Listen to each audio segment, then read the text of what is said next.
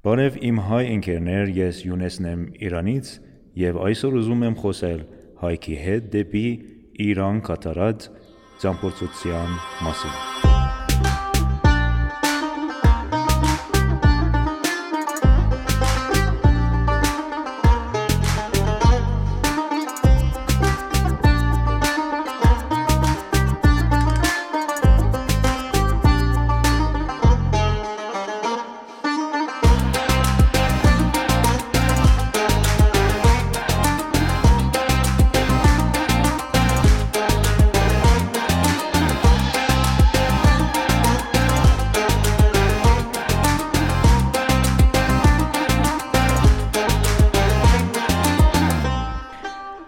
Հայկ ջան, դուք քանի անգամ եք եկել Իրանում։ Ես առ այսօր 4 անգամ եղել եմ Իրանում եւ ամեն անգամ պարսկերեն լեզվի ուսուցման ծրագրի շրջանակներում եմ եղել եւ հիմնականում հենց մայրաքաղաքում Թեհրանում եմ եղել եւ բացի Թեհրանը շրջագայել եմ նաեւ մի քանի քաղաքներով մասնավորապես Սպահան, Համեդան, Քաշան այդ մի քանի քաղաքներում եղել եմ։ Okay։ Թեհրան ինչպես էր։ Ինչ կարաս։ Թեհրանի մասին կարող եմ ասել, որ մի մեգապոլիս է, եւ բնակչությունն էլ ինչքանով ես գիտեմ, հասնում է ներկայումս արդեն 12-13 միլիոնի եւ մի հսկա քաղաք է իսկ քանի որ ես ամռանն եմ եղել այնտեղ եղանակը շատ շոկ էր այդ առումով մի փոքր դժվար էր, հա, եւ մայրաքաղաքում բավական շոկ էր, այդպես այնքան էլ տանելի չէր շոկը, մի փոքր անսովոր էր։ Էսպան ինչպես էր։ Սպահանը կարող եմ ասել մի ճարտարապետական գոհար էր հիշեցնում եւ գրքերում ինչպես որ կարդացել էի, մինչև Իրան ճամփորդելը, կոնկրետ Սպահանում լինելը, հա, թե Սպահանը դա աշխարհի կեսն է, նման հրճակ ունի Սպահանը եւ կարող եմ ասել ճարտարապետության առումով հրաշք է հիշեցնում Սպահան քաղաքը եւ արժեր Սպահանը տեսնել Ես գիտեմ Իսպահանի մեջ մի հատ եկեղեցի կա դու տեսել ես իր Այո, իհարկե, խոսքը մեր հայկական Սուրբ Վանք եկեղեցու մասին է, ով որը իրոք հրաշք վայր է, մի հրաշք կառույց է եւ եկեղեցի եկեղեցու ներսում այդ բոլոր պատերը, եկեղեցու պատերը զարդարված են որմնանկարներով, ինչը ճարտարապետական հրաշք է հիշեցնում իրոք ճարտարապետական գլուխ գործոց է հիշեցնում։ Հետո եւ զբոսաշրջային եւ զբոսաշրջիկների մեծ հոսքը չի դադարում ամեն օր այնտեղ։ Ինչ տարբերություն կա Իրանում գտնվող եկեղեցիների եւ Հայաստանում գտնվող եկեղեցիների մեջ։ Առաջի հայացքից հենց ճարտարապետական կառույցը որպես այդպիսին, կոնկրետ Իրանում Սուրբ Վանք եկեղեցին, այսպես արևելյան ճարտարապետության խառնուրդ էր հիշեցնում այդ գմբեթաձև տեսքը, ինչպես նաև աղյուսից շարված լինելը։ Դա էր։ Ինչպես նաև եկեղեցու ներսում ամբողջովին պատերը որմնանկարներով զարդարված լինելը։ Mm-hmm.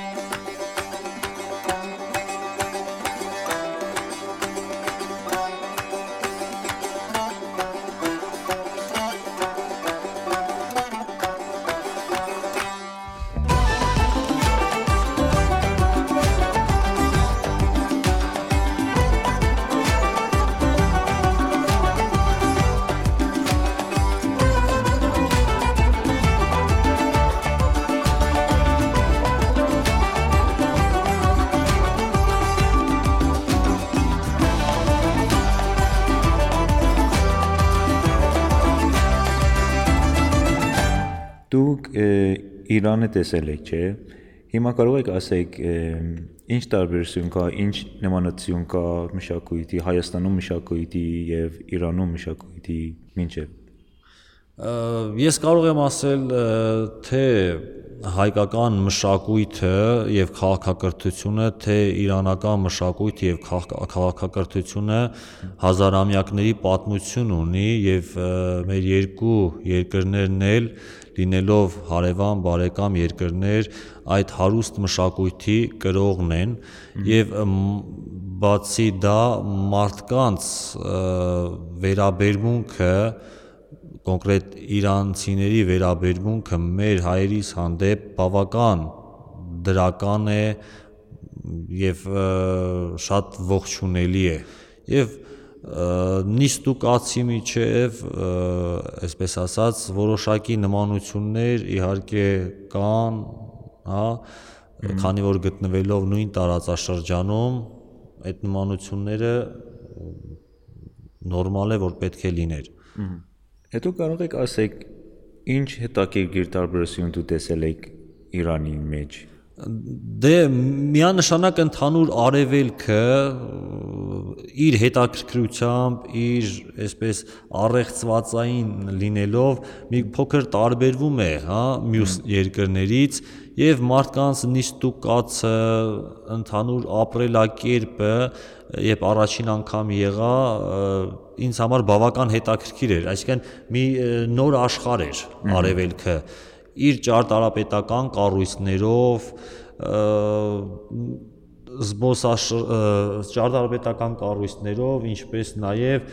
մարդկանց նիստուկացով տարբերություններ կար եւ շատ հետաքրքիր էր բացահայտել դա նորություն էր ինձ համար մեր մշակույթի դες հիջաբ ունենք այո խանգարում է տուրիստներ թե չէ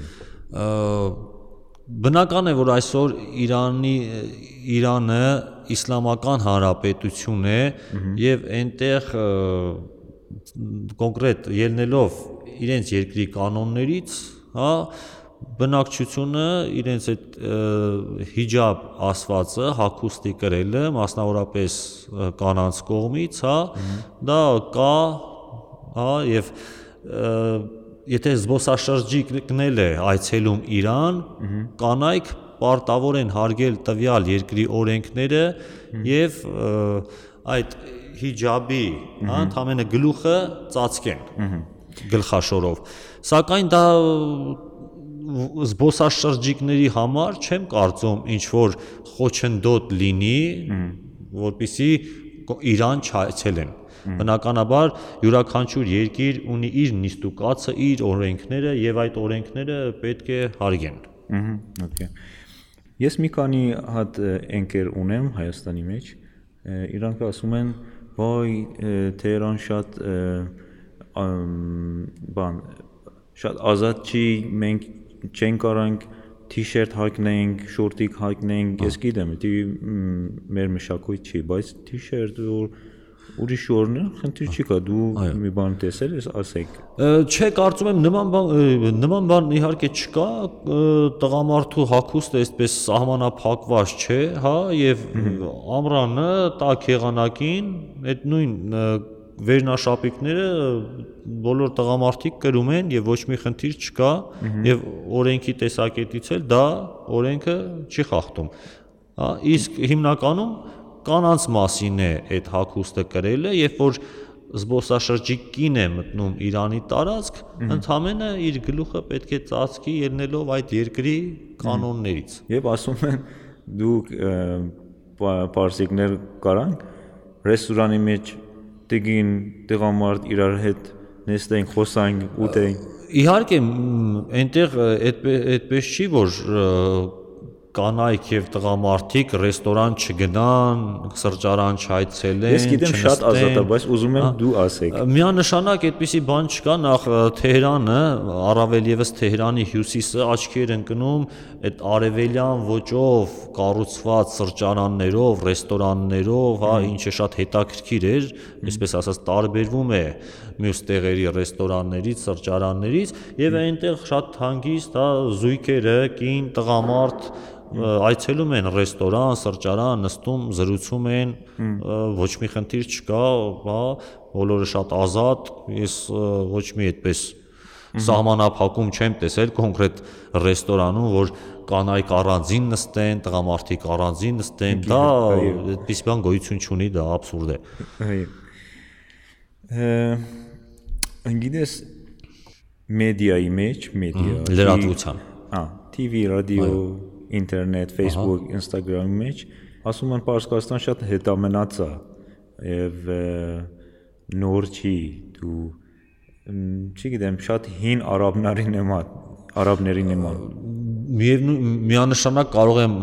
նշել, որ դա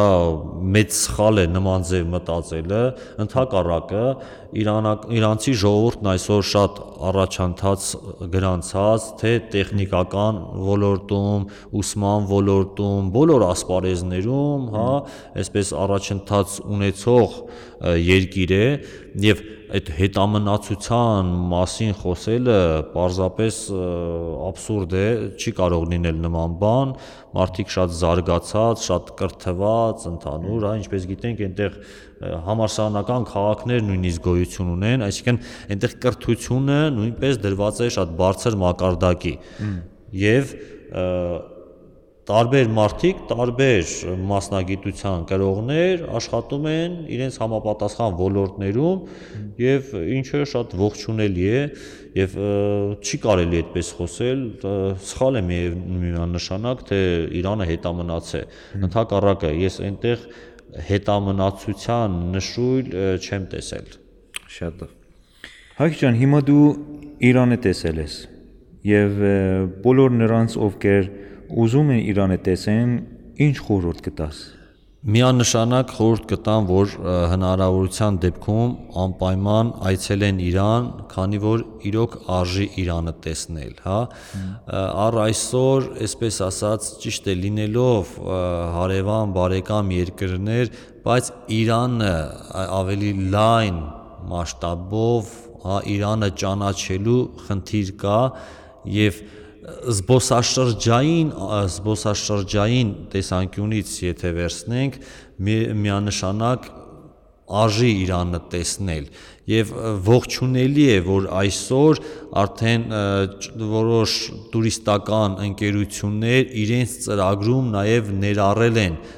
իրանական ուղությունը տարիներ առաջ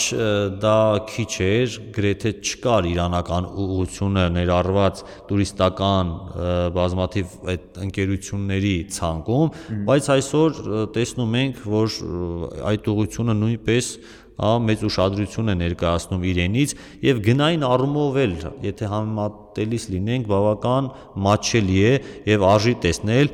եւ և, զբոսաշրջիկը այնտեղ միանշանակ իրեն կարող է ապահով զգալ անվտանգության տեսանկյունից ապահով երկիր է ոչ մի խնդիր չի առաջանա այսպես ասած չկա նման բան որ զբոսաշրջիկը փողոցում քայլելիս ինչ որ հա հարցակման ենթարկվի ինչ որ բան գողանան եւ այլն միևնույն միանշանակ Իրանը արժի տեսնել, քանի որ ունի հարուստ մշակույթ, հազարամյակների անցյալի անցյալ, ունի նաև հարուստ պատմություն։ Ընդհանուր Իրանը մեր Հայաստանի նման մի քանի հազար տարվա քաղաքակրթություն եւ հարուստ մշակույթ ունի։